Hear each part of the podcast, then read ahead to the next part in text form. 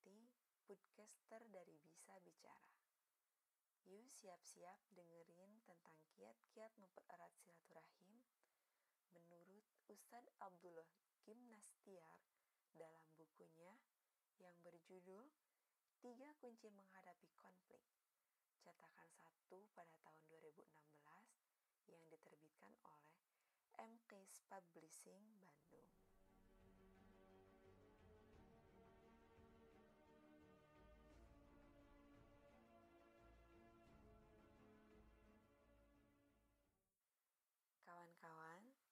Silaturahim adalah tersambungnya hati. Karena banyak orang yang secara fisik saling berdekatan, tapi hatinya saling berjauhan. Namun, banyak juga yang secara fisik saling berjauhan, tapi hati dekat. Hayo, kita termasuk yang mana nih? Yang pertama atau yang kedua? Hmm, oke, simpan saja dulu pertanyaan saya kawan-kawan. Kita lanjutkan pembahasannya terlebih dahulu dan kawan-kawan jawab sendiri setelah mendengarkan pembahasan ini sampai akhir. Oke? Hati yang saling terpaut akan melahirkan rasa peduli dan empati. Sehingga meski ada jarak yang memisah, baik dekat ataupun jauh, namun kita akan cepat tanggap untuk saling membantu satu sama lain.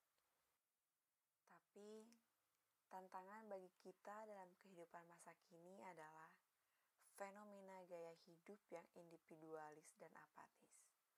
Hidup yang hanya mempedulikan diri sendiri, asal diri sendiri sudah kenyang, sudah nyaman, aman, dan tidak mengganggu orang lain, maka cukuplah sudah.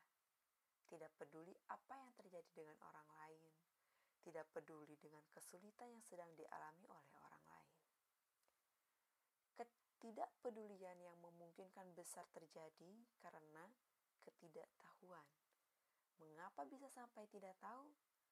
Ya, karena tidak adanya komunikasi dan terputusnya silaturahim.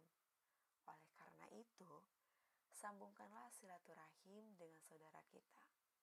Bukan niat untuk memanfaatkan dikala kita butuh, akan tetapi karena niat lillahi ta'ala dalam rangka mentaati perintah Allah yang memerintahkan kita untuk menyambungkan tali silaturahim.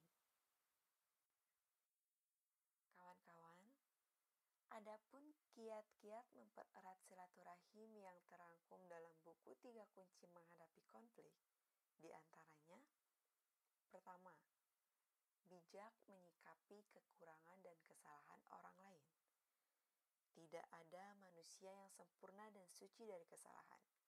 Setiap orang adalah tempatnya salah dan lupa. Kekurangan orang lain semestinya menjadi ladang amal bagi kita untuk saling mengingatkan dalam kebaikan dan menjadikan kesalahan orang lain sebagai pelajaran untuk tidak diikuti. Kedua, berani melihat kebaikan dan jasa orang lain. Untuk apa? Ya untuk kita balas sebagai ungkapan rasa terima kasih. Karena apa?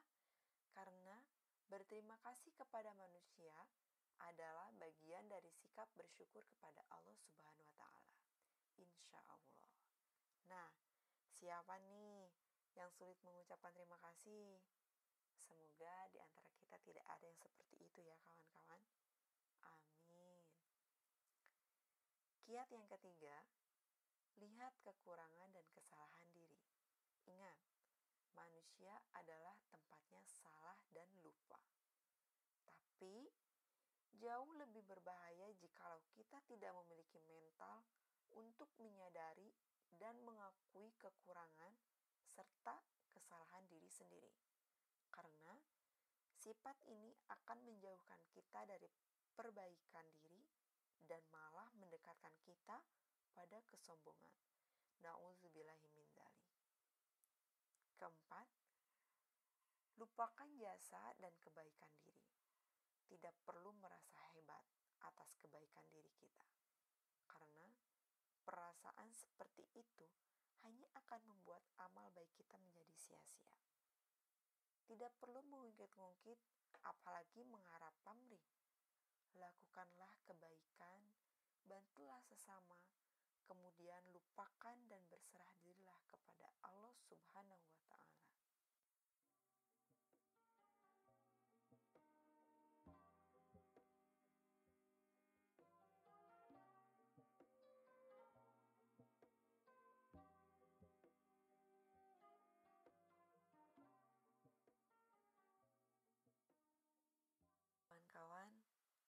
Betapa indah jikalau kehidupan kita dipenuhi dengan suasana yang hangat dan akrab dengan orang-orang di sekitar kita.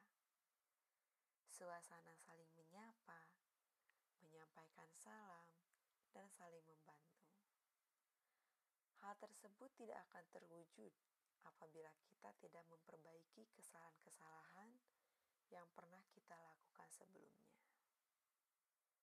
Mudah-mudahan keempat kiat-kiat mempererat silaturahim ini menjadi bagian dari ikhtiar kita dalam menjalin silaturahim yang indah dengan saudara-saudara kita.